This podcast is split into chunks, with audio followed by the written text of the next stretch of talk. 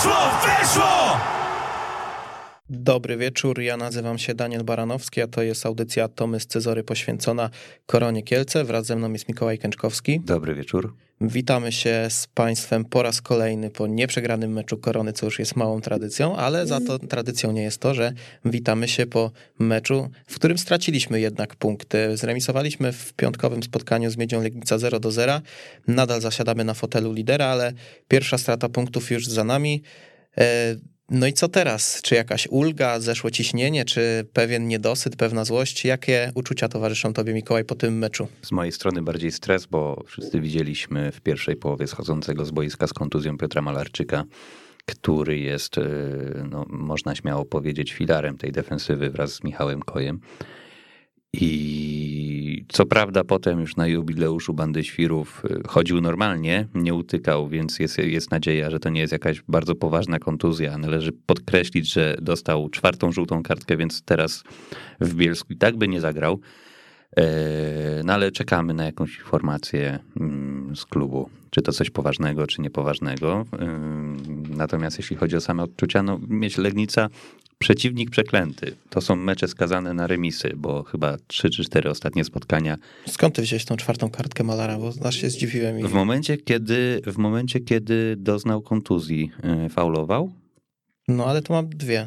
Dwie, nie cztery? Z ŁKS-em i z Miedzią, no tak mi się okay, wydawało, dobra, że to, tak nie to, to realizator coś musiał pokręcić, bo potem jak oglądałem skrót, to, to było, że czwarta kartka w sezonie, chyba, że to był numer koszulki, nie wiem już, nieważne. Bardzo możliwe powiedzieć. No ale dobra. No w każdym razie, no tak kończąc może temat Piotra Malarczyka, choć nie wiem, czy można mówić o nim tylko tak krótko, ale mm, początkowo też się bardzo zestresowałem. Myślę, że nie tylko ja, ale też y, cały sztab medyczny i szkoleniowy i pewnie 95% y, kibiców w Kielcach, ale E, podpytałem, no i co prawda te rokowania początkowe nie były takie najlepsze, mówiło się o miesiącu przerwy, no ale dzisiaj rozmawiałem z kimś z klubu i wydaje się, że uraz jest mniej poważny niż się wydawało i że e, prawdopodobnie Piotrek nie zagra tylko w Bielsku, a potem już powinien wrócić do gry, ale też z tymi powrotami byłbym ostrożny i z tymi deklaracjami dotyczącymi terminów, ponieważ Najlepszym tego przykładem jest Marcel Gąsior, który e, od początku sezonu słyszymy, że już na następny mecz prawdopodobnie będzie do gry, a minuty jeszcze w tym sezonie nie zagrał. No to jest ciekawe, mm, poruszyłeś wątek Marcela Gąsiora. Zauważ, że zaraz po tym, jak został ogłoszony fakt, iż przedłużył kontrakt z Koroną, on na boisko nie wyszedł. E, nie, żebym tutaj zarzucał jakieś e, spiskowanie przeciwko klubowi Marcelowi, ale to jakby nie patrzeć, on i w tych meczach przedsezonowych, i w końcówce ubiegłego sezonu, można śmiało powiedzieć, rozwinął skrzydła. To nie był zawodnik, który wpadał mi w oko, to był zawodnik raczej, którego chętniej bym nie widział na boisku niż widział, ale zaczął mi się podobać pod koniec sezonu i mm, gramy troszeczkę innym ustawieniem niż, niż graliśmy w zeszłym sezonie, ale nie wiem, czy masz też takie wrażenie. Brakuje takiego przecinaka trochę w środku pola, gdzieś, gdzieś na defensywnym pomocniku. No być może tak jest, ale mm, też wydaje mi się, że korona, znaczy tak, na pewno są momenty, kiedy brakuje, to, to nie da się ukryć, choć mm, miałem dość podobne odczucia jak i ty, że mm, Marcel Gąsior nie był moim ulubionym zawodnikiem nawet w tej poprzedniej, zeszło e, sezonowej koronie. Potem rozwinął skrzydła, tak jak wspomniałeś, i, i wydaje mi się, że ta końcówka sezonu e, należała do Marcela, że chyba był największym wygranym, jeżeli tak sobie próbuję przypomnieć. No i może obok e, Szarka, taki zawodnik, który gdzieś z tego dołu wyszedł naprawdę na, na solidną pozycję i wywalczył sobie miejsce w kadrze korony na nowy sezon. E, no i rzeczywiście są na pewno takie momenty, ale wydaje mi się, że dopóki jeszcze ta korona wygrywa, to tak może te braki nie są zauważalne i może też my, kibice, nie doszukujemy się zbytnio tych luk, gdzie można by coś e, poprawić, chociaż do poprawy jest na pewno sporo. I może tak e, rzeczywiście Marcel jest odbierany, że, że, że nie jest jakimś kluczowym zawodnikiem, a kto wie, gdyby był zdrowy, to może ta gra korony wyglądałaby trochę lepiej, aniżeli wygląda obecnie. No ja zauważyłem, jeśli chodzi o tą lukę, to w fazie, w fazie defensywnej, kiedy jesteśmy y, przesunięci zespołem do obrony, to właśnie brakuje gdzieś tam w środku na, na przedpolu zawodnika, który by mm, zaatakował, czy odebrał piłkę w taki sposób, jak robił to Marcel, czy Mario Zebicz, który grywał też na tej pozycji i która jest jego nominalną pozycją. Tego mi brakuje i to, to było widać bardzo w meczu z ŁKS-em, gdzie byliśmy, no nie boję się tego słowa użyć, gnieceni momentami przez y, ofensywę ŁKS-u. Inna rzecz to ich niedokładność w wykończeniu i myślę, że tylko i wyłącznie dzięki temu udało nam się ten mecz mm, wygrać. A wracając jeszcze do meczu z Miedzią, czy jest jakiś moment tego meczu, który szczególnie zapadł ci w pamięć? Hmm, oprócz warów, to nie. No jakoś tak y, szczerze mówiąc, to powiem ci inaczej, że patrząc na ostatnie mecze korony, w ogóle nie skupiając się na miedzi, to tak nie bardzo. No więc właśnie, to jest ciekawe, że mm, mamy bardzo solidną kadrę. Yy, według tego, co mówił nam tutaj na antenie jakiś czas temu dyrektor sportowy Paweł Golański, również dość solidne zaplecze, to znaczy ławkę i, i jakościowo tych graczy zmotywowanych y, i dobrych. I zastanawiam się, co jest powodem tego, że nie widać tej że nie widać w sposób ewidentny tej y, wyższej jakości na boisku w trakcie spotkań. Bo jedna rzecz jest to, że wygrywamy y, te spotkania, czy ostatnio remisujemy, nie przegraliśmy żadnego i z tego należy się, się cieszyć jak najbardziej. I to mi imponuje. Natomiast z drugiej strony, no tak jak już mówiliśmy, czy tydzień temu, czy dwa tygodnie temu, te zwycięstwa są, ale one nie są takie ewidentne, nie są takie przekonujące. Przekonujące, to jest takie dobre określenie, że te mecze są przepchane, mm, wywalczone z wątroby, ale, ale wywalczone trzy punkty, więc e, no, są dwa podejścia do, do, do, takich, do takiego stanu rzeczy. Połowa kibiców się cieszy, że Korona wygrywa i to styl jest ważny, a nie to że to wynik jest ważny, a nie to, w jakim stylu on został osiągnięty. Na druga część jednak wymaga jakości piłkarskiej od zawodników tej klasy, bo trzeba mówić o klasie piłkarskiej względem pierwszej ligi, jeżeli spojrzymy sobie na kadrę korony. E, no bo fakt jest taki, że ten limit szczęścia kiedyś w końcu się wyczerpie i, e, i jakość zawsze, przynajmniej w większości przypadków, się obroni na boisku. Szczęście niestety nie, lub stety, wydaje mi się, że jednak stety i że tak jak y, mieliśmy tutaj dużo farta w tych poprzednich meczach, tak już z Miedzią zaczynało to wyglądać trochę gorzej, choć tego szczęścia też trochę było momentami, mm, no ale to w końcu się skończy i, i myślę, że jeżeli nie dołożymy tej jakości czysto piłkarskiej, to będzie problem.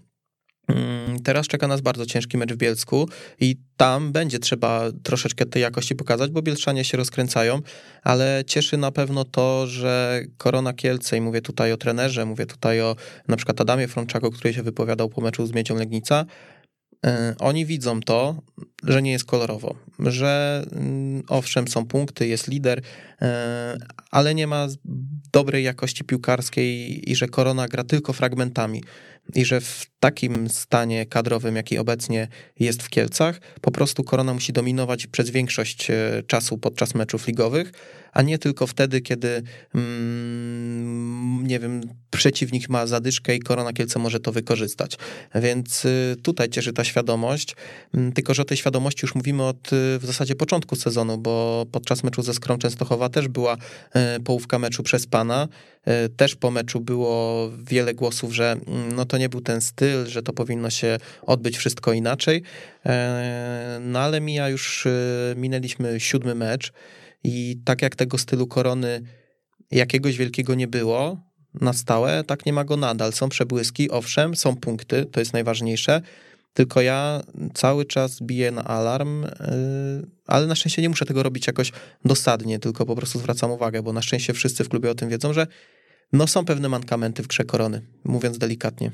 Tak, y, wspomniałeś tutaj o meczu ze Skrą Częstochowa i o ile zaraz po tym meczu można było mieć jakieś hmm, wątpliwości, zastrzeżenia i tak dalej, no bo to jednak Beniaminek, bo, bo dopiero wchodzi do tej pierwszej ligi, bo raczej yy, outsider tej ligi, tak się przynajmniej wydawać mogło to zrobiliśmy ich 2-0, a potem Skra zaczęła trochę mieszać w tej lice. Yy, nie wiem, byliśmy niepocieszeni mocno po spotkaniu z Resowią w Rzeszowie. Tak.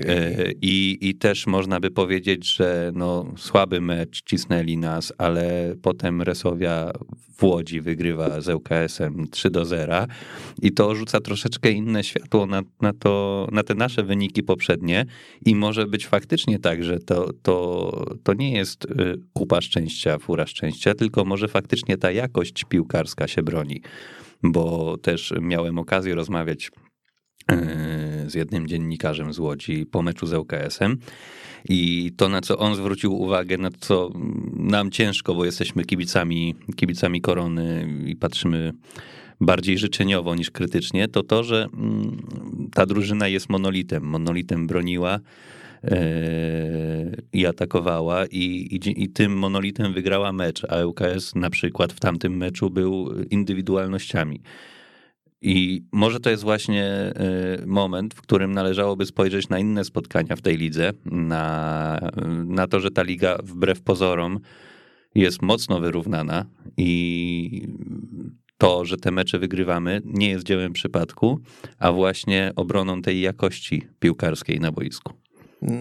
Z jednej strony tak i na pewno trzeba docenić to, że Korona Kielce punktuje w takim stylu, bo jest to niespotykane w tej lidze. Wiadomo, w zeszłym sezonie podobny start miał ŁKS, ale to, to są naprawdę sytuacje wyjątkowe, bo chociażby te wyniki w obecnym sezonie pokazują, że to jest swego rodzaju loteria, mm, że wystarczy dyspozycja dnia odrobinę lepsza jednej z drużyn, która teoretycznie na papierze jest e, słabsza, no i e, ta drużyna inkasuje trzy punkty, więc tutaj na pewno trzeba oddać Koronie że wychodzi z tego obronną ręką, jakby nie patrzeć, tylko mm, no, próbuję sobie przypomnieć przebieg tych spotkań, e, ilość słupków, e, ilość poprzeczek, ilość jakichś zmarnowanych e, sytuacji, ilość fenomenalnych parad Konrada Forenca.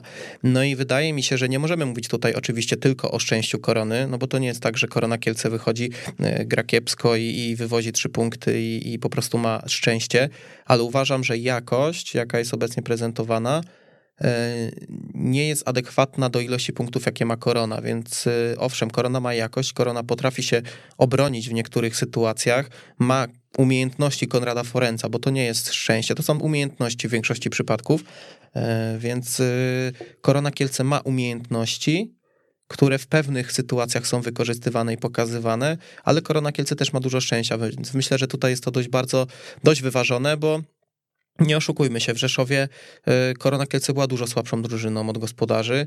E, z ŁKS-em wydaje mi się, że też była słabsza, mimo wszystko, że e, ten ŁKS bardziej błyszczał indywidualnościami, aniżeli monolitem zespołowym. Ale jakby nie patrzeć, no to Korona Kielce w tych dwóch meczach chociażby była odrobinę słabsza. Mm, od Wystarczy spojrzeć na statystyki w tych spotkaniach. No z Resowią chyba miała, Resowia miała 20 strzałów, Korona 10, o ile się nie mylę. Już ci mówię, e, jeśli chodzi o mecz z Resowią, strzały na bramkę. No to są celne, tam sytuacje bramkowe, jak na fleszkorze patrzysz, to będą strzały łącznie. Strzały niecelne 11, strzały na bramkę 1, jeśli chodzi o Resowie, strzały niecelne 4 korony i na bramkę 2 więc mamy tutaj e, no, dwa e, razy więcej strzałów. Pewnie jeszcze jakieś zablokowane, gdyby wliczyć w to, to, to tak by to wyglądało. Mm, nieistotna w sumie jest teraz ilość tych strzałów, ale sam fakt, że e, Korona Kielce w tych ostatnich meczach rzeczywiście nie jest drużyną, która dominuje, być może takie są założenia, ale wątpię, bo widać niezadowolenie wśród piłkarzy na, dotyczące ich dyspozycji zespołowej. E, no i pewnie znowu nam się gdzieś dostanie, że mamy 19 punktów po 7 meczach, a my przychodzimy i narzekamy. Tylko ja mówię, wynik w tym momencie jest fajny, wynik w tym momencie jest bardzo dobry, nawet można to tak ująć. Tylko nie zapominajmy, że ŁKS w zeszłym sezonie miał zupełnie e, taki sam status. Ja nie wiem, czy oni potem jeszcze dwóch meczów kolejnych nie wygrali czy tam nie było e, 25 punktów po dziewięciu kolejkach. Tak mi się wydaje, więc e, wtedy też się mogło wydawać, że wszystko jest super, tylko że e, ŁKS jeszcze nawet wtedy dokładał tą jakość i mimo tego e, nie dowiózł tej, e, tego awansu do końca sezonu. No i po prostu się boję, że zaraz e, Korona Kielce, jeżeli nie poprawi tej gry, no to e, rywale zaczną wykorzystywać te błędy, bo rywale też nie śpią. I to nie jest tak, że przyjeżdża Korona Kielce i mm, na te same numery będzie, na, będzie e, robić kolejnych przeciwników, bo tutaj jest kilku trenerów, którzy będą potrafili wykorzystać te mankamenty korony, których y, gdzieś tam można się doszukać. E, no i boję się, że zaraz korona zacznie tracić punkty, co, to jest, co jest oczywiste, bo to też nie możemy oczekiwać, że korona Kielce wygra pozostałe spotkania do końca sezonu i wygramy ligę z jednym remisem i 33 wygranymi, no bo tak nie będzie. Ale trzeba minimalizować ryzyko i minimalizować możliwość straty punktów y, z drużynami z dołu tabeli. Na przykład ja osobiście Jestem, nie powiem, że bardzo zadowolony, ale jestem zadowolony z tego, że przyszedł w końcu ten remis, że przyszedł remis, a nie porażka i że przyszedł remis z drużyną z czołówki tabeli, która jeszcze spotkania w tym sezonie nie przegrała, aniżeli miała to być, być na przykład porażka z całym szacunkiem, ale nie wiem, z Górnikiem Polkowice gdzieś po, po jakimś słabym meczu, bo wtedy nerwówka zrobiłaby się dość duża, tak uważam. A teraz mamy remis, mamy delikatną stratę punktów, ale taką, która pozwala nam zachować status quo w czołówce, bo Mieć jest drużyną, która zajmuje trzecie miejsce. Widzew też zremisował swoje spotkanie, więc mamy stratę punktów, która z, troszeczkę zdejmuje ciśnienie, spuszcza ciśnienie z zawodników, a tak naprawdę niczego złego nam nie robi. Tak, i myślę, że bardzo dużo odpowiedzi na nasze jakieś teorie, pytania i tak dalej da sobotnie spotkanie z Podbeskidziem dlatego że jest to drużyna, która, tak jak powiedziałeś wcześniej, rozkręca się, która co prawda przegrała już w tym sezonie, ale tylko jeden mecz, a od czterech spotkań gra na zero z tyłu. Tak jak Korona, od czterech spotkań gra na, na zero z tyłu. Eee, no jest spadkowiczem z ekstraklasy, więc zawsze to mm, inaczej się patrzy na spotkanie z takim, z takim klubem, niezależnie od tego, jak mocno przebudowana jest tam kadra i jest dość wysoko w tabeli. Yy, na pewno nie będzie to prosty mecz, jak zresztą żaden w tej lidze, ale no ale coś trzeba tutaj powiedzieć, tak? No ja powiem inaczej, znaczy tak, ja się z tobą zgadzam jak najbardziej i szczerze nie wiem, czy to nie będzie najcięższy mecz Korony w tym sezonie, no bo mm, jedziemy do Bielska, oni się rozkręcają i, i też jakaś tak, tak, wydaje mi się, że oni na papierze mogą się nie wydawać jacyś wybitni, ale tam jest Michał Janota, który ma swoje umiejętności, jest Georgiem Rebaszwili, który w Koronie dawał się we znaki wielokrotnie w barwach Wisły Płock. E, wiadomo, to jest dość wiekowy zawodnik, ale w pierwszej lidze to e, tacy czują się najlepiej. E, I, I, jest Kamil Biliński, o którym było głośno e, pod kątem transferu do Korony Kielce przed tym sezonem. Myślę, że jest to meczyk z podtekstami. Myślę, że e, w zasadzie z Miedzią Legnica również taki był mam pewne obawy przed tym meczem, ale nie są one jakieś wielkie, bo wydaje mi się, że jeżeli, y, musimy sobie powiedzieć jasno, no jeżeli chcemy awansować do ekstraklasy, no to nie możemy jechać do Bielska y, wystraszeni, tylko po prostu jedziemy się naparzać i jedziemy po trzy punkty. I mimo, że gra korony mnie nie przekonuje, to jestem w miarę spokojny o, o, jadąc na ten mecz, czy oglądając go, że korona się zaprezentuje w miarę solidnie i gdzieś tam E, nie da się stłamsić pod Beskidziu i że w końcu gdzieś małymi kroczkami będziemy szli do przodu i myślę, że nie przegramy w Bielsku. Ja też myślę, że nie przegramy. Mam nadzieję, że też nie zremisujemy. Mm, korona, myślę, powinna, tak z mojej perspektywy patrząc, mm, pokazać wreszcie tą jakość, e, przełożyć ją na efekty wizualne również. E, I nie obraziłbym się, gdyby, gdyby korona zepsuła mm, pod Beskidziu tą serię czterech meczy bez straconej bramki, czy pięciu meczy bez porażki, bo jednak ta seria nasza jest ładniejsza i mogłaby być jeszcze, jeszcze dłuższa. A patrząc jakościowo na, na skład, na kadrę, no to jednak na papierze korona jest lepsza. Stadion podobny, więc można się poczuć trochę jak w domu, jak się trochę przymruży oczy i, i liczę na to, że to będzie bardzo konkretna naparzanka z efektem takim, że korona wróci z trzema punktami. No, oby tak było, ale to myślę, że jeszcze o meczu z Podbeskidziem sobie porozmawiamy już na sam koniec. Jakieś e, przewidywania co do składu, co do wyniku przed nami. E, I kończąc może temat meczu z Miedzią Legnica, e, a może nawet nie kończąc, bo ten temat myślę, że będzie dość rozległy. Najlepsza frekwencja w tym sezonie. Naprawdę wyglądało to bardzo solidnie. No i pojawił się taki temat na Twitterze, który być może jest trochę kontrowersyjny, może trochę mm, taki nie do zweryfikowania, może tak to powiem, ale warty poruszenia, czyli frekwencja, która według niektórych jest zaniżona, że po prostu mówiąc wprost, po prostu mówiąc, mówiąc wprost, kibice to cwaniacy i niewykluczone, że tych kibiców wchodzi więcej na, na jeden bilet, bo moim zdaniem mówiąc wprost, system mm, weryfikacji wejściówek na e, Suzuki Arena nie istnieje w tym momencie. E, zaraz powiem dlaczego. No i pojawiają się głosy, że tych kibiców było ponad 7 tysięcy, a, a, a wiadomo, że na liczniku na bramkach się odbiło 6300 bodajże. Mm, no i ciekaw jestem, co sądzisz na ten temat. Czy w ogóle takie zjawisko jest możliwe twoim zdaniem, czy, czy jest to troszeczkę przesadzone i rzeczywiście tyle, ile osób się odbija na bramkach, to tyle jest na trybunie? Na liczniku, na liczniku wyszło dokładnie 6334 e, osoby. Natomiast ja się zastanawiam, czy ta statystyka jest podawana y, w oparciu o sprzedaną ilość biletów plus karnetów, czy odbitych e, no ja zakładam, na biletów na, na bramkę. Też tego nie wiem, ale wydaje, zakładam, bo to jest jedyny rzeczywisty tak naprawdę mm, przelicznik, no to, że chodzi o bramkę, no bo... Bo e, jeśli chodzi o bramkę, to jestem święcie przekonany, że było więcej kibiców, już ci mówię dlaczego. Ja mam karnet, karnet ma QR kod, QR kod nie otwiera kołowrotków, więc wchodzę boczną furtką. Wchodząc boczną furtką, e, pan ochroniarz czy pani ochroniarz tylko zerka, czy mam i czy to jest na ten sezon, nie skanuje, przepuszcza mnie dalej do przeszukania. I podejrzewam, że tak samo może być z kołowrotkami, jeśli chodzi o otwieranie ich, bo y, dobrze wiemy, że można je otworzyć jeszcze kartą kibica, tudzież y, jakimś biletem. No, wydrukowanym, tak. zwyczajnym, tak. E, te bilety, z tego co się orientuję, nie są tak jak kiedyś weryfikowane przez jednego ochroniarza, czy należą do osoby, które, która wchodzi, a potem dopiero przeszukanie, tylko jest bezpośrednio przejście do, do, tego, do tej procedury bezpieczeństwa.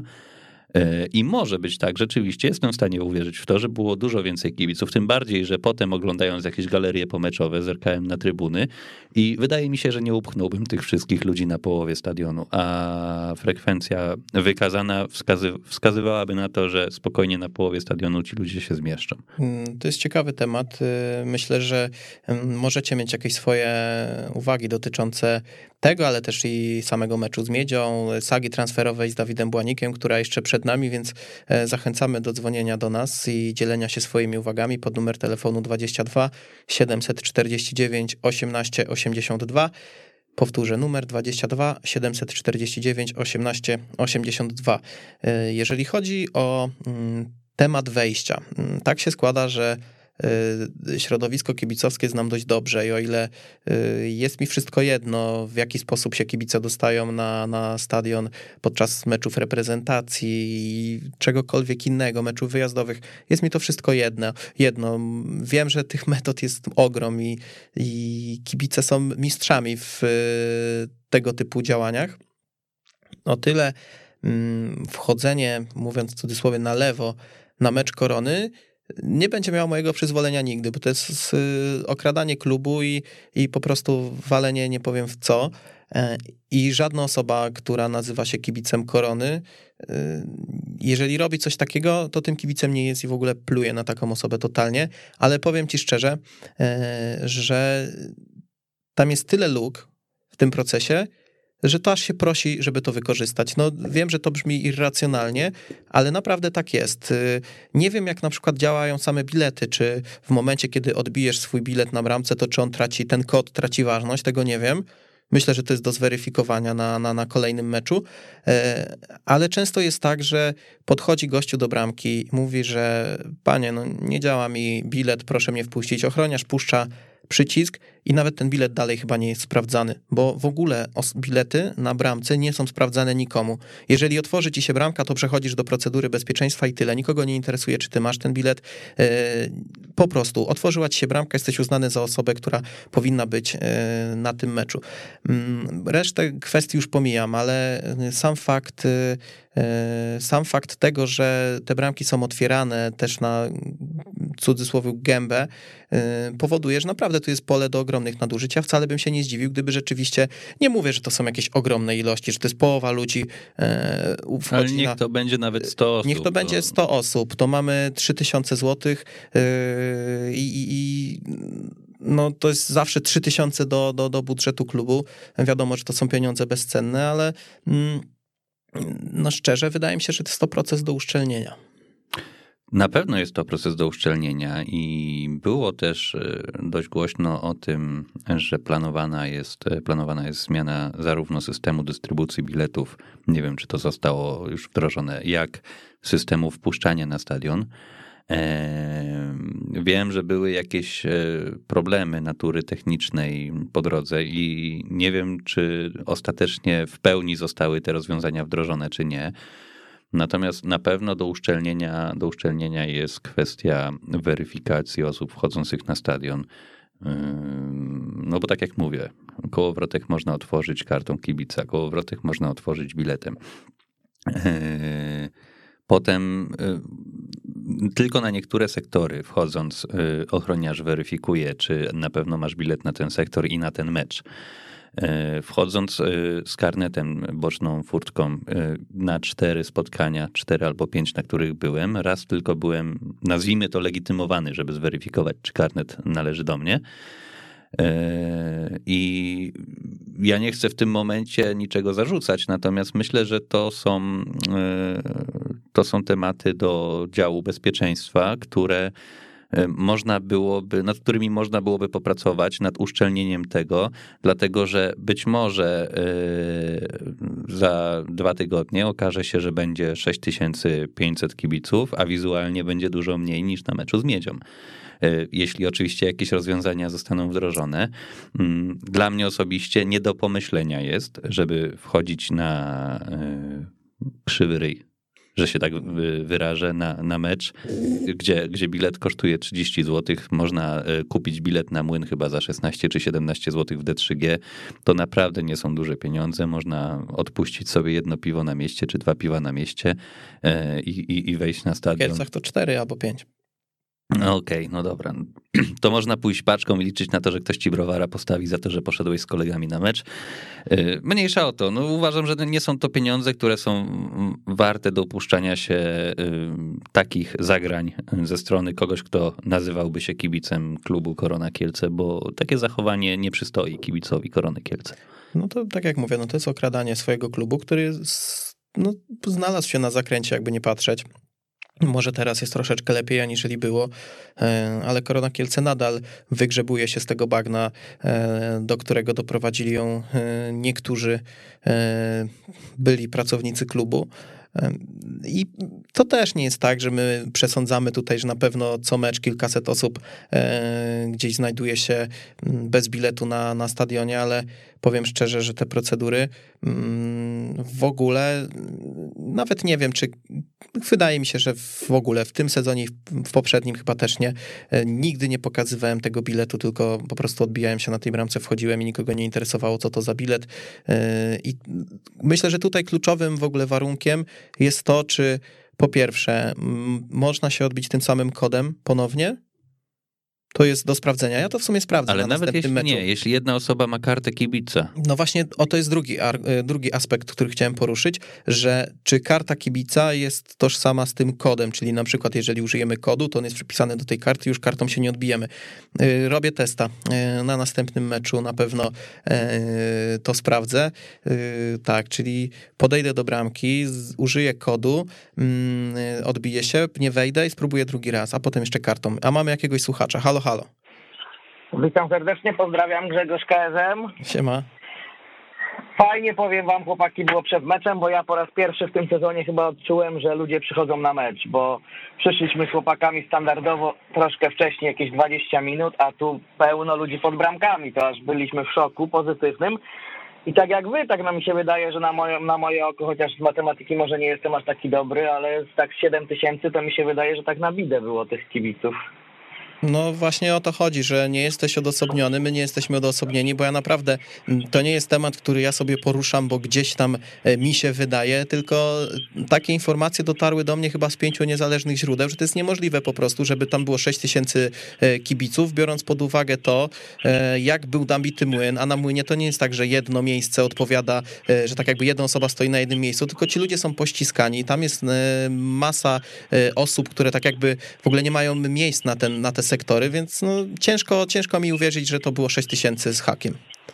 No my też właśnie siedzieliśmy tutaj standardowo pod zegarem praktycznie patrzymy, że są tu miejsca zajęte, tam miejsca zajęte, więc no z jednej strony pozytywnie, tylko że z drugiej strony właśnie też nas zastanawiało, jeżeli jest 6300, to co robią inni, inne osoby, tak jak mówicie, to dla mnie to trochę karygodne, jak ktoś próbuje wchodzić za darmo, bo to jakby nie było okradanie naszego klubu, tak?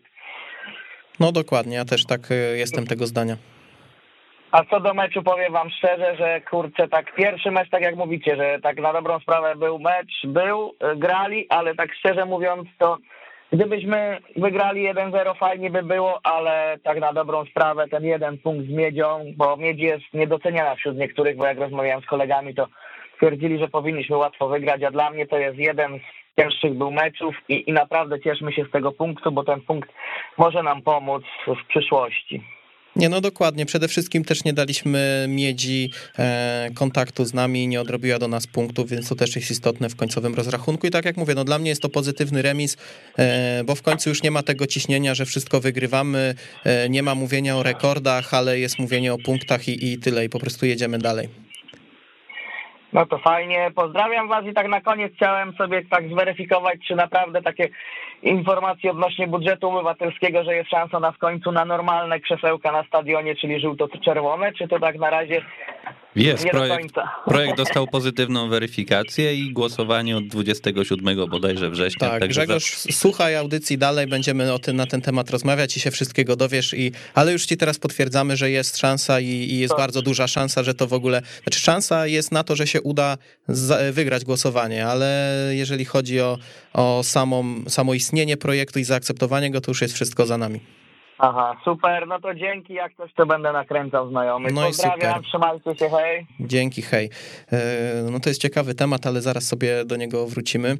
No pojawiają się pierwsze komentarze dotyczące mm, tej możliwości wejścia gdzieś bokiem e, na stadion. No pamiętam, że ym, kiedyś, kiedyś to mm, pamiętam, na stadion Legii się mówiło o Guantanamo, że, że tutaj w Warszawie podobno był najnowocześniejszy stadion w Polsce, nic się nie dało wnieść, no i tam chyba Lech Poznań zrobił taką oprawę siemano Guantanamo, wnieśli masę rac i, i, i, i wszystko runęło. Jeżeli chodzi o Kielce, może to nie było Guantanamo, ale na pewno było miejsce, gdzie y, nie dało się tak lekko wejść i mm, no powiem szczerze, że tam procedury, te bezpieczeństwa i być może dlatego też były wtedy duże kolejki, bo to trochę trwało, bo trzeba było sprawdzić, kto wchodzi, czy wchodzi słusznie i tak dalej. Do tego na każdym sektorze byli ochroniarze, którzy sprawdzali, czy na pewno masz bilet na ten sektor.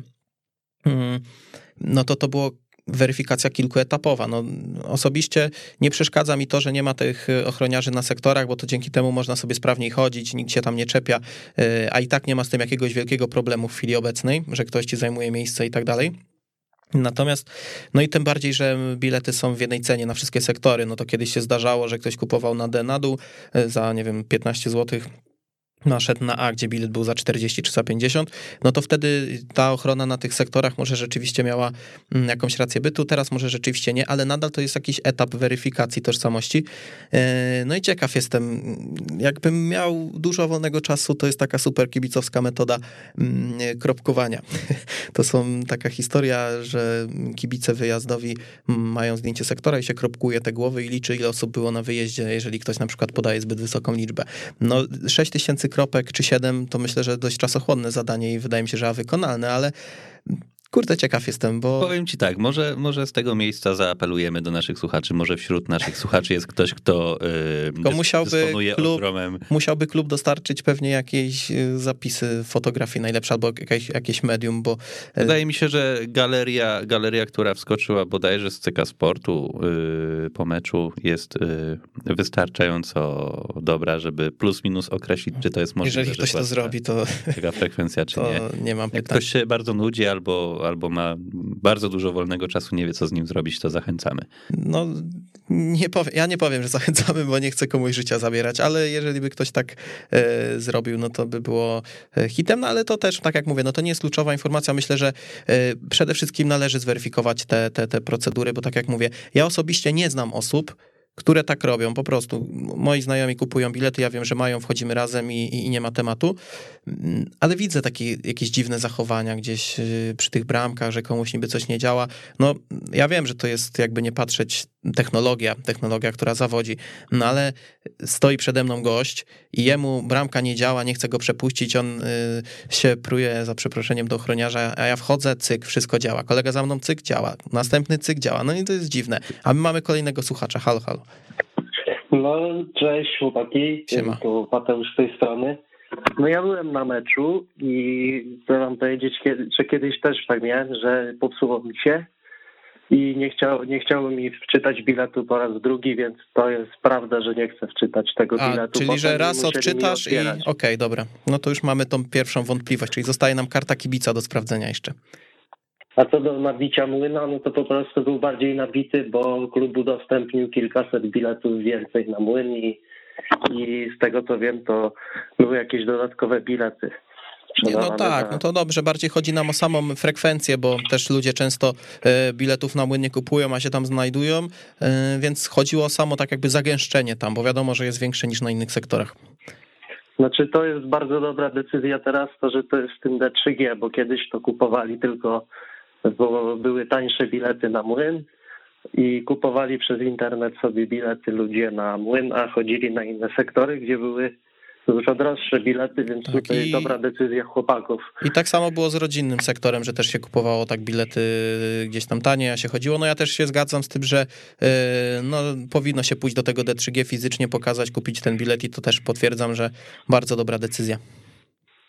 A co do frekwencji, no to też mi się wydaje, że lekko zawyżona, ale, ale tak myślę, że nie więcej niż 7 tysięcy, bo my też nie patrzymy na to, że na przykład za bramką praktycznie po drugiej stronie młyna jest pusto, a tam też kilka tysięcy ludzi byłoby miejsca. No i praktycznie pod młynem też nikogo nie ma. Więc, więc tam też zawsze te kilka tysięcy ludzi wejdzie. Ale no myślę, że jest przestarzały ten system biletów i podobno ma być jakiś remontowany, ale czy i kiedy on będzie, to już słyszę o, o tym od roku i co chwilę słyszę, że klub ma inne potrzeby, więc w sumie nie wiem kiedy to się No stanie. ale w sumie chyba był jakiś temat, że miało to wchodzić. Ja nie kojarzę momentu, w którym klub by powiedział, że ma ważniejsze rzeczy i że to odkłada. Więc ciekawe, możemy gdzieś podpytać, jak to wygląda, bo przyznam szczerze, że jeżeli ta luka istnieje dlatego, że cały czas czekamy na wdrożenie tego systemu, który gdzieś tam jest na wykończeniu, no to już trudno, no nie? Ale jeżeli system na przykład jest gdzieś daleko w planach, a obecnie tak to wygląda i się nie da tego uszczelnić, no to trochę kiepsko, chociaż wydaje mi się, że to nie jest jakieś wielkie wymaganie, żeby uszczelnić to w ten sposób, żeby ktoś po prostu ci sprawdzał ten bilet na wejściu. No. Tak, tym bardziej, że chyba w regulaminie imprezy masowej jest, jest informacja o tym, że należy mieć ze sobą dokument potwierdzający tożsamość. Ja już nie chciałem tutaj ustawy ruszać, bo to już tutaj nam trochę stawia w złym świetle cały proces, tak już prawnie Dobra, stricte, Cofam. ale bardziej mi chodziło o, o finanse klubu, a nie o prawo, no ale Da dobra. się to uszczelnić. No. Da się.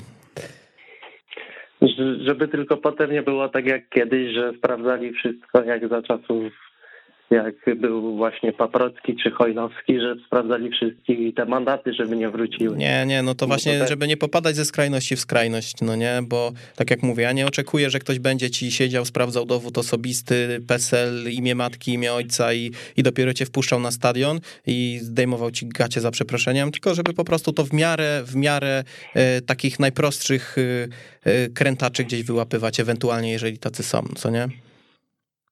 No, mówiąc o stylu korony, to ja w sumie nie oczekuję stylu, bo za styl to dają punkty w skokach narciarskich, a w pierwszej lidze po prostu, no wczoraj Resowia nie grała nic z ŁKS-em, a wygrała 3-0 po głupich błędach ŁKS-u, więc w sumie wolę koronę, która nie popełnia błędów, niż ŁKS, który gra pięknie, a przegrywa mecze.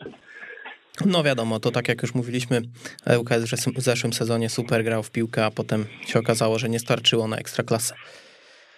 No, mi się wydaje, że Korona, jeżeli kimś zrobi awans, to właśnie tą obroną i bramkarzem, a styl to może przyjdzie później, a wierzę, że no, trener Nowak akurat w Legnicy grał bardzo ładnym stylem, więc może to wypracuje. No w końcu to są też ile ta drużyna gra ze sobą, kilka miesięcy, więc idzie też.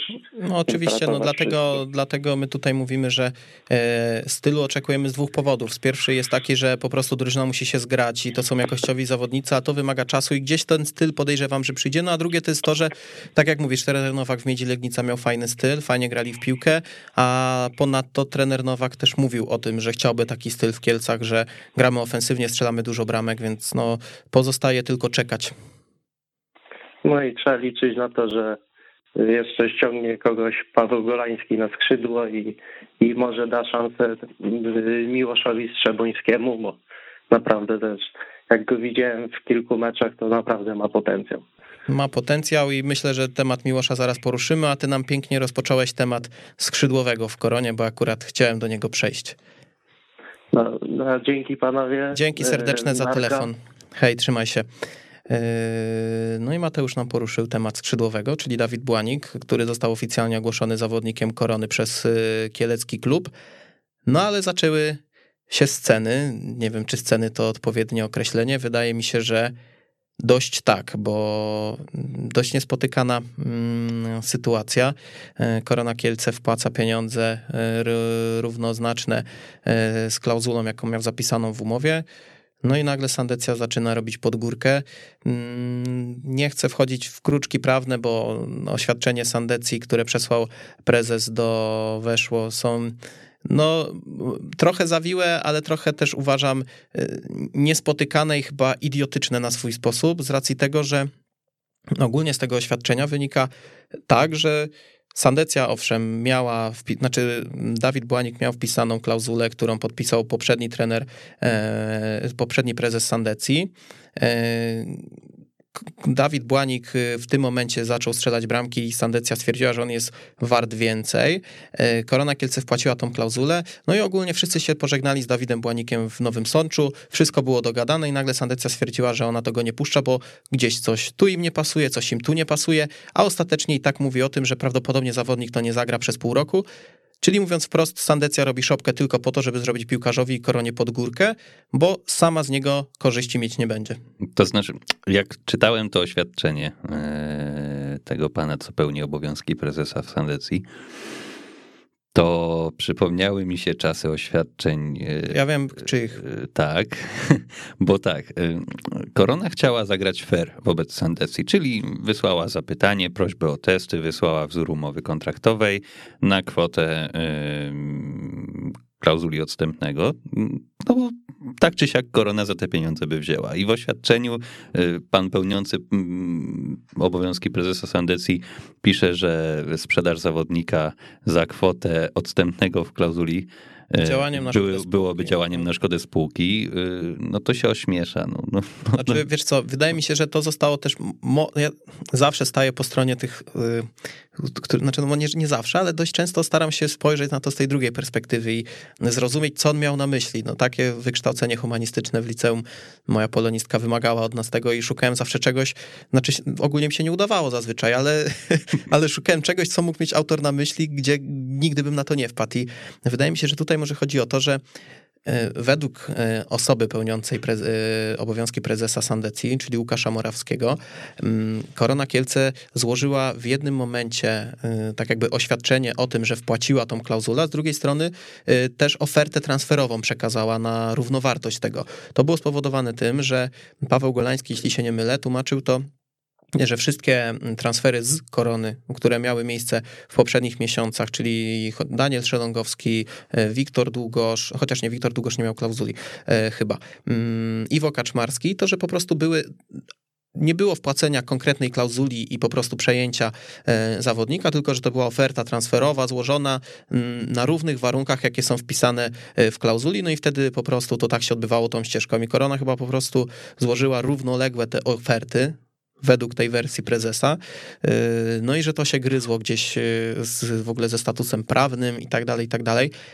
Ja mówię, ja nie chcę wnikać w kruczki prawne, bo od tego są y, prawnicy, na których Sandecja wydaje właśnie teraz pieniądze, żeby cokolwiek osiągnąć, tylko zastanawiam się, co chce Sandecja osiągnąć. Chyba że bilans równy zeru na koncie, bo wydaje te pieniądze. No właśnie o tym mówię, że tak naprawdę to się mija z celem, bo okej, okay, no Korona Kielce doszły te pieniądze chyba na drugi dzień o godzinie 11 Mm, Korona Kielce już zawodnik był w, w ogóle u nas w klubie przedstawiony e, i Sandecja nagle zaczyna robić podgórkę, gdzie tak jak mówię, ona tego zawodnika już nie odzyska, powydaje pieniądze na prawników, ten zawodnik tak czy siak odejdzie do korony za tą kwotę i czy to będzie teraz, czy to będzie zimą, to nieistotne.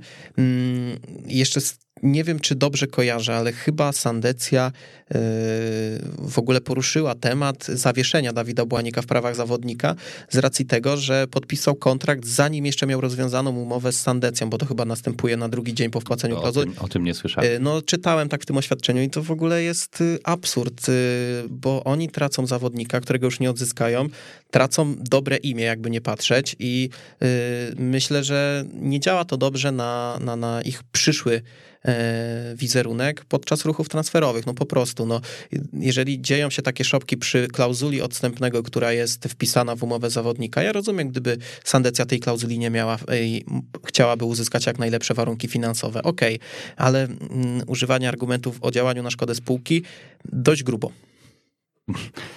Przede wszystkim, jakie byłoby to, może inaczej. Ja rozumiem, rozumiem e, tok myślenia Korony Kielce, jeśli chodzi o ten transfer, bo z tego, co mówił w jakimś tam oświadczeniu czy wywiadzie Paweł Golański, chcieli się zachować fair wobec, wobec klubu i nie robić gdzieś tam za ich plecami transferu, wpłacając klauzulę i mówiąc dobra, dzięki, do widzenia, tylko otwarcie powiedzieć, no taka jest kwota odstępnego, ale zróbmy to na oficjalnych zasadach, żeby nie robić kwasów. I wydaje mi się, że właśnie takie było założenie tego działania, propozycja kontraktu tego standardowego, żeby nie robić kwasów. Co robi Sandecja? Robi kwasy. Przestają odbierać telefony i na szybko Korona musi organizować oświadczenie o wpłaceniu klauzuli.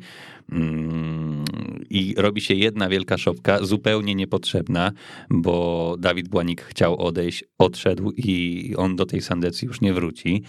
E, niezależnie od tego, czy przez te pół roku będzie grał e, w Kielcach, czy, czy tylko trenował, no to jednak tam już nie wróci. Sandecja nie ma nic do ugrania, a ma wiele do stracenia, więc... No myślę, że już Sandecja dość dużo straciła i, i, i myślę, że jest ostatni moment na to, żeby jeszcze wyjść z twarzą w ogóle z tej sytuacji, bo yy, no to nie skończy się dla nich dobrze wizerunkowo na pewno. Zawodnika, tak jak mówię, oni nawet jeżeli go prawnie gdzieś odzyskają, no to to już, to już nie będzie miłości, to już nie będzie chemii, nawet gdyby. E, mówię tutaj czysto teoretycznie, bo nie sądzę, żeby się tak stało. E, to jest dla mnie tak niezrozumiałe. Totalnie, totalnie, bo oni nie uzyskają więcej pieniędzy. Oni jeszcze te pieniądze tracą na prawników. O wizerunku już nie wspomnę. Mm, no ale okej, okay, no, no, jeżeli chcą się tak bawić i chcą mm, prezentować taką, a nie inną postawę i, i blokować karierę chłopaka, który, który odpalił i który chce się rozwijać, mm, ja z jednej strony ich rozumiem, bo oni tracą zawodnika, my też y, płakaliśmy w cudzysłowie po, po zawodnikach, którzy odchodzili za klauzulę, ale nikt w Kielcach się w ogóle nie odważył powiedzieć, że coś było niezgodne, że coś nie ma sensu, że to jest działanie na szkodę spółki. Działaniem na szkodę spółki mogłoby być, gdyby, nie wiem, y, PSG Neymara sprzedało za, oddało za darmo. No to, ale to nawet by było ciężko pod to podpiąć z racji tego, że ma ogromny kontrakt i, i naprawdę działanie na szkodę spółki to nie jest jakiś y, paragrafik, który sobie możesz wrzucić i wszystko to, wszystko znaczy, tym wybronić. No to jest naprawdę, musi być szereg różnych działań, które, które gdzieś potem działają rzeczywiście na szkodę spółki, a nie, a nie które są Zacznijmy od tego, że, że, że, pojęcie działanie na szkodę spółki jest takim bardzo wyświechtanym pojęciem i używanym bardzo chętnie prze, przez y, oponentów jakichś ruchów w różnych miejscach. E, w przypadkach, kiedy komuś się coś nie podoba, ale prawda jest taka, żeby udowodnić działanie na szkodę spółki, to trzeba mieć naprawdę twarde argumenty i podejrzewam, że nawet gdyby Dawid Błanik za porozumieniem stron w środę o 15 rozwiązał kontrakt z Sandecją, a o 16 podpisał kontrakt z Koroną, to nadal ciężko byłoby to mm, podciągnąć pod działanie na szkodę spółki. E, no dokładnie o tym mówię, że mm, nie, nie pamiętam, kiedy transfer jakikolwiek gotówkowy mógłby być rozpatrywany y, w tych kategoriach. E, czy na przykład jak Piotrek Malarczyk szedł do Ipswich Town za bodajże 50 tysięcy funtów, e, to czy ktokolwiek w Kielcach w ogóle poruszył taki temat? No nie sądzę. E, a już na pewno nie prezes, bo to już jest a najbardziej absurdalne. Ja rozumiałbym rozgoryczenie kibiców Sandecji, którzy mają naprawdę fajnego zawodnika u siebie przychodzi korona, kładzie pieniądze na stół i małe pieniądze zabiera nam najlepszego grajka i, i, i, i kończy tak naprawdę nasze marzenie o awansie prawdopodobnie, no bo takie komentarze wśród kibiców czytałem. To jestem w stanie zrozumieć, no ale że prezes, który jakby nie patrzeć miał wgląd do tych umów, to nie jest tak, że przyszła osoba i ona nie wiedziała, że e, taka i taka klauzula znajduje się w kontrakcie zawodnika. To jest prezes spółki, który przyszedł po poprzednim prezesie, który podpisywał kontrakt, miał wgląd do wszystkich umów zawodników. Mógł przyjść, przedstawić Dawidowi nową umowę z, nowym, e, z nową kwotą odstępnego i wtedy by tematu nie było. No tak się nie stało. Dawid Błanik miał taką, a nie inną kwotę, no i teraz uważam, że szukanie e, jakichś ucieczki z tego rozwiązania i szukanie kruczków prawnych, no po prostu mija się z celem i, i nikomu tak naprawdę to nie przyniesie żadnej korzyści ani Koronie, bo nie może wykorzystywać zawodnika do meczów ligowych, ani Dawidowi, który nie może się rozwijać i grać meczów ligowych, ani Sandecji, która traci wizerunkowo na tym ogromnie. Szczególnie, że to nie jest sprawa między Sandecją a Koroną, tylko e, sprawa, która prawdopodobnie otrze się o e, Polski Związek Piłki Nożnej, o której piszą ogólnopolskie media, tak jak chociażby weszło i naprawdę nie pamiętam, kiedy klub jakikolwiek cokolwiek zyskał na takiej wojence. Znaczy na tym można tylko stracić i Sandecja już straciła. E, zgodnie z informacjami, które szły e, od, od e, tam, nie wiem, czy biura prasowego Sandecji, czy, czy, czy od tego pana pełniącego obowiązki prezesa zarządu w Sandecji Nowy Sącz, oni mieli czas do dzisiaj, żeby mm, temat zamknąć, tak, wyrejestrować zawodnika no, z Małopolskiego Związku Jeżeli by Korona Kielce w czwartek zgłosiła te jakieś konkretne papiery, które by rozpoczęły proces przerejestrowania, bo to jest trzy dni od momentu rozpoczęcia tej ścieżki, a Korona chyba... Ale tak, oni, oni mówili, że mają czas do poniedziałku. Mamy poniedziałek... Yy... Jest cały czas Dawid Błanik zarejestrowany w PZPN jako zawodnik Sandecji. I teraz pytanie, czy jutro nadal będzie zarejestrowany, czy nie? Jeśli będzie, no to znaczy, moim się... zdaniem to w ogóle, jeżeli rzeczywiście do dzisiaj był termin, no to mm, już dzisiaj powinien być wyrejestrowany. Jutro, jeżeli będzie nadal na przykład o godzinie 8 zawodnikiem Sandecji, no to już mamy e, to e, w cudzysłowie robienie pod górkę, o którym mówi właśnie prezes, że on nie rozumie zarzutu, dlaczego niektórzy mówią, że Sandecja robi pod górkę piłkarzowi, bo Sandecja na razie robi wszystko zgodnie e, z procedurami, na które ma trzy dni, żeby zawodnika wyrejestrować. Strasznie nie podoba mi się takie podejście kwadratowe, ja to tak nazywam, do mm, zero, zero jakiejś takiej ludzkiej reakcji i zdrowego rozsądku i pomyślunku. Trochę mi to przypomina pana Marka Paprockiego w Koronie, który po prostu był tak y, mocno ukierunkowany na to, żeby wszystko było jak, jakoś tam zgodnie z jakimiś jego zasadami, że nie dostrzegał pewnych oczywistości, i, I tu wygląda to tak samo. I nie, ja tego nie rozumiem, ja tego nie kupuję. Ja mm, kompletnie mm, nie jestem w stanie pojąć, dlaczego tak się dzieje, jak się dzieje. I no, no dobra, kończmy temat Sandecji, bo y, nie ma o czym zbytnio gadać. Zobaczymy, jak to wyjdzie, zobaczymy, kto na tym lepiej wyjdzie. Y, no okej, okay trudno, zobaczymy. E, mamy bardzo mało czasu, więc tylko poruszymy ten temat, o którym już tutaj e, wspomniał Grzegorz wcześniej, czyli e, do budżetu obywatelskiego w Kielcach trafia w końcu po 15 latach projekt dotyczący zmiany krzesełek na Suzuki Arenie, na żółto-czerwone, które są oczekiwane przez kibiców tak naprawdę od początku powstania stadionu. No i powiedz coś króciutko o tym więcej, bo mamy naprawdę niewiele czasu i myślę, że skupimy się na tym e, w przyszłym tygodniu, bo w przyszłym tygodniu już, e, znaczy w przyszłym tygodniu, w następnych tygodniach, bo głosowanie rusza 27 września. Tak, ja myślę, że jakieś konkretniejsze szczegóły będziemy, będziemy poruszać właśnie bliżej terminu głosowania, żeby też mobilizować wszystkich do tego, żeby ten głos oddawać.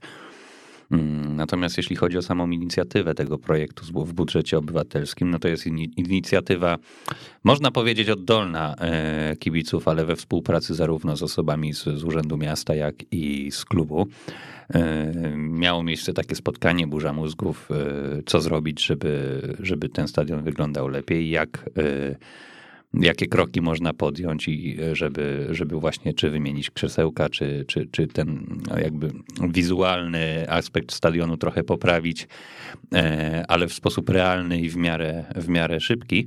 E, no i powstała taka inicjatywa, powstał projekt, powstały jakieś tam wizualizacje realizacji tego projektu. Liczymy na to wszyscy i myślę, że każdy, kto, kto przeczytał już jakiś artykuł na ten temat, że ten projekt zostanie przegłosowany i małymi kroczkami będziemy zmieniać oblicze tego stadionu, bo no, trzeba, jak, trzeba nie to patrzeć, zrobić. Ta, no. ta, szarość, ta szarość bije w oczy, gdy tych kibiców jest mniej niż, tak, niż 8 y, tysięcy, to tak. jest ciężko. Pamiętam, gdy stadion w Kielcach był najnowocześniejszym w Polsce I on robił ogromne wrażenie, bo jak się chodziło, czy to chociażby na Szczepaniaka, czy nawet się patrzyło na stadion Legii, Wisły, gdzie tam w ogóle praktycznie no, była jedna kryta trybuna, reszta gdzieś na wale postawiona.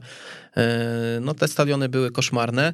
Mm, I ten stadion w Kielcach robił wrażenie, tylko że on pomimo tego, że robił to wrażenie już wtedy, w 2006 roku, gdy był otwierany, to był taki szary i ta szarość już biła od niego wtedy, tylko że wtedy też frekwencja była wysoka, więc jakoś to przymykało się na to oko, szczególnie, że wiesz, mecze przy, przy oświetleniu i było naprawdę super.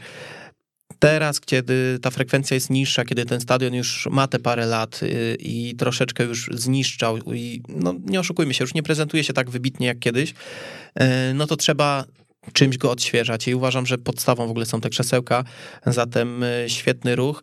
Mm, liczę na to, na dużą mobilizację wśród kibiców Korony jestem jakoś dziwnie przekonany, że jesteśmy w stanie to zrobić i jesteśmy w stanie przepchnąć ten budżet z racji tego, że yy, patrzyłem sobie na wyniki głosowań dużych tych projektów, bo niestety został zakwalifikowany on do dużego projektu. Yy, chyba 3300 głosów, wygrał pierwszy, a drugie miejsce zajął y, projekt na 2000, 2500. Dwa z hakiem, tak. Dwa z hakiem, to więc jest do zrobienia. y, No. to jest do zrobienia, więc y, mobilizujemy się, mobilizujemy bliskich i wygrywamy to i mamy fajny stadion i potem zmieniamy trochę więcej rzeczy, bo to nie będzie oczywiście koniec, bo... To jest pierwszy krok w, i, i, i będą kolejne, także... Także czekamy więcej szczegółów w przyszłości, a my za dzisiaj dziękujemy. Mikołaj Kęczkowski Dziękuję bardzo. i Daniel Baranowski. Do usłyszenia. Dos, pisa la pelota Marabona, arranca por la derecha el genio del fútbol mundial y es el tercero a tocar para Borruchaga siempre Marabona, genio, genio, genio, ta, ta, ta, ta, ta, ta, ta. Weszło FM. Najlepsze radio sportowe.